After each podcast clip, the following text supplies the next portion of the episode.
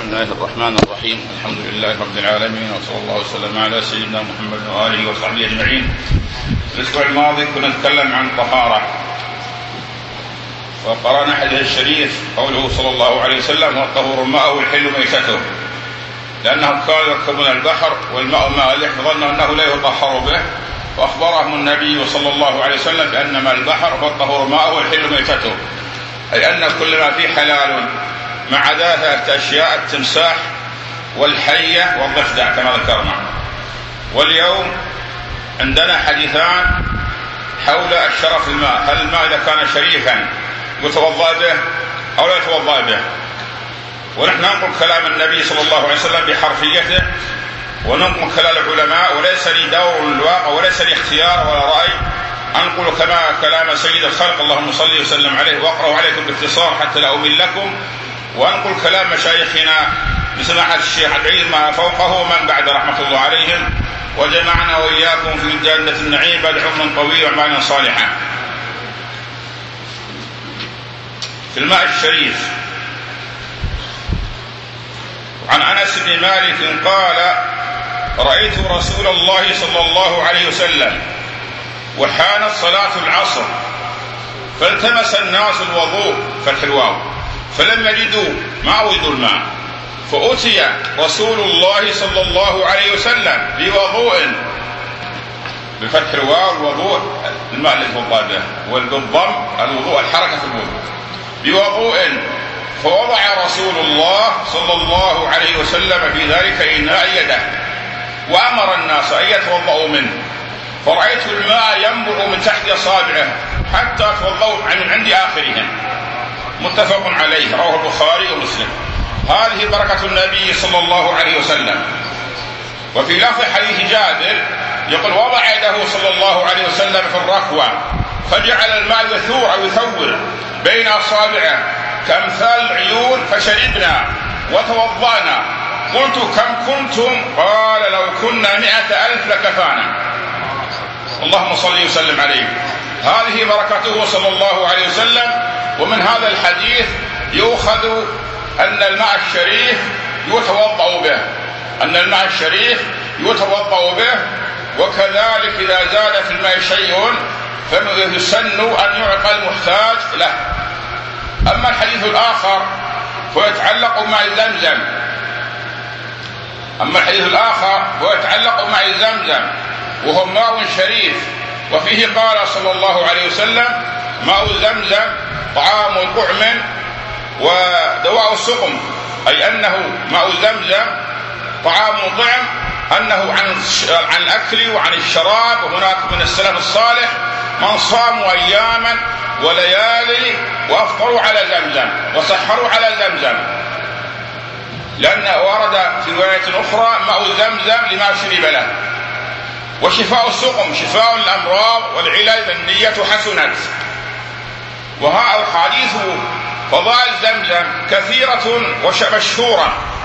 ولكن بعض المتأخرين انتبهوا يا إخوان منذ أيام كتب بعض الناس أن زمزم حادثها ليس لها أصل وهذا مردود.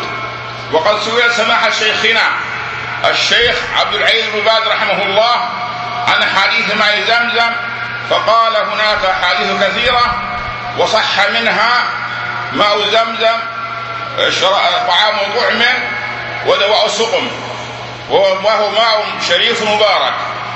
وأما الحديث الآخر ماء زمزم لما شرب له فقد صح عن الصحابي الجليل معاوية بن أبي سفيان.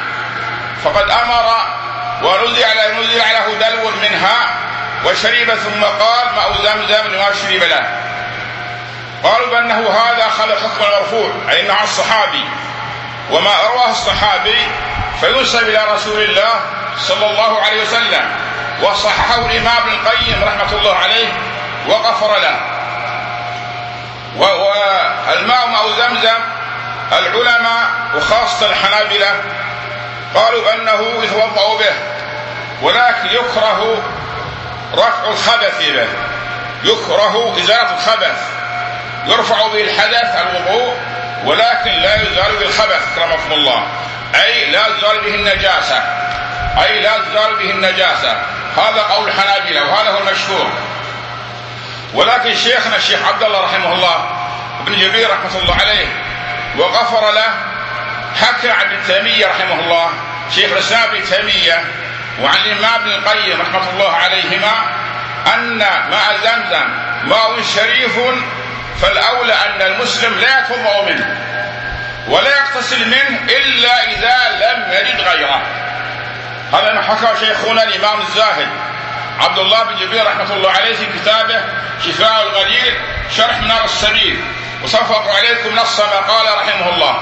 قال لأن ماء زمزم ماء شريف ولأن العباس قال لا يحله المغتسل بل لشارب حل وبل قال بعض العلماء هذا الكلام منسوب إلى أبيه عبد المطلب. وما دام منسوبا إلى عبد المطلب إذا لا يؤخذ منه حكم. ولكن ابن تيمية وابن القيم رحمة الله عليهما وغفر لهما قال بأن هذا ماء شريف فالأولى أن لا تزال أن لا يغتسل به لأن الغسل إزالته جنابة والجنابة حكم النجاسة. وأضاف الشيخ رحمه الله عبد الله بن جبير قال وكذلك الوضوء.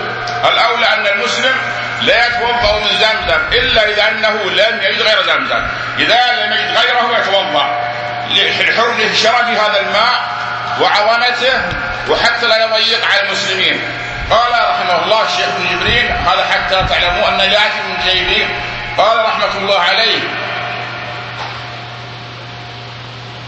وأما من كره أن يغتسل بماء زمزم فقد استدل بقول العباس بن عبد المطلب عم الرسول صلى الله عليه وسلم لا احلها لمغتسل وهي لشارب حل وبل وهذا القول منقول عن ابيه عبد المطلب كما في سيرة ابن هشام.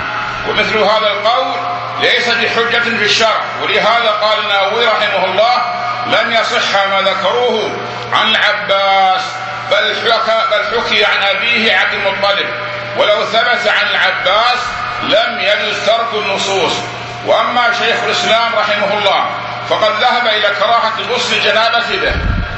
قال ابن القيم رحمه الله وطريقة شيخنا شيخ الإسلام ابن تيمية كراهة الغسل به دون الوضوء وفرق بأن غسل الجنابة يجري مجرى إزالة النجاسة من وجه ولهذا عم البدن كله لما صار كله جنبا. ولأن حدثها أغلب ولأن العباس إنما حجرها على المغتسل خاصة. قلت هذا كلام الشيخ عبد الله بن جبريل رحمه الله. ولعلهم باب الاحترام لهذا الماء الذي وصفه ابن القيم في زاد المعاد لأنه سيد المياه وأشرفها وأجلها قدرا وأحبها إلى النفوس وأغلاها ثمنا وأنفسها عند الناس إلى آخر كلامه رحمه الله. فاستعماله في مع وجود غيره مكروه أو لا يجوز لكن إذا عدم غيره ودخل وقت الصلاة وهو جنوب فله الاتصال به لدخوله في قوله تعالى فلم تجدوا ماء فلا يعدل إلى التيمم مع وجوده وتوفره الله أعلم. وكلام الشيخ رحمه الله بالجبرين وكلام الإمام ابن القيم وكلام شيخ الإسلام ابن تيمية هذا خرج مخرج الورع. دعنا يريبك إلا ما لا يريبك المسلم مطالب بالورع. إذا أعطيت شيء من المال ولا أستحقه ولكن عندي فيه شبهة بعضه لا يستحقه فمن باب الورع أنني أخرج هذا من باب الورع والتقوى. ومن باب الورع كذلك أن الإمام أحمد رحمة الله عليه جاءته امرأة قالت يا أحمد يمر العسس الحرس في الليل. ويوقدون النار يشبون النار في المراحة شتاء فإذا ذهبوا أنا أنسج بدي مغزل أنسج عليه هل هذا يجوز لي؟ قال يجوز. لما ذهبت قالوا لأحمد يا أحمد هذه أخت الفضيل بن عياض هذا بيت بيت الورع بيت تقى. لا يكون مشتبه ولا يشبه مشتبه. قالوا على أنفسهم. قال أعيدوها. لما ردت قال لا تنسجي على نار العسس. فقول شيخنا ابن جبير رحمه الله هذا من باب الورع. نسأل الله سبحانه وتعالى أن يجعلنا وإياكم من الورعين المتفقهين في الدين. إنه ولي ذلك والقادر عليه وليس ذلك إلا إليه. والحمد لله رب العالمين وصلى الله وسلم على سيدنا محمد وعلى آله وصحبه أجمعين.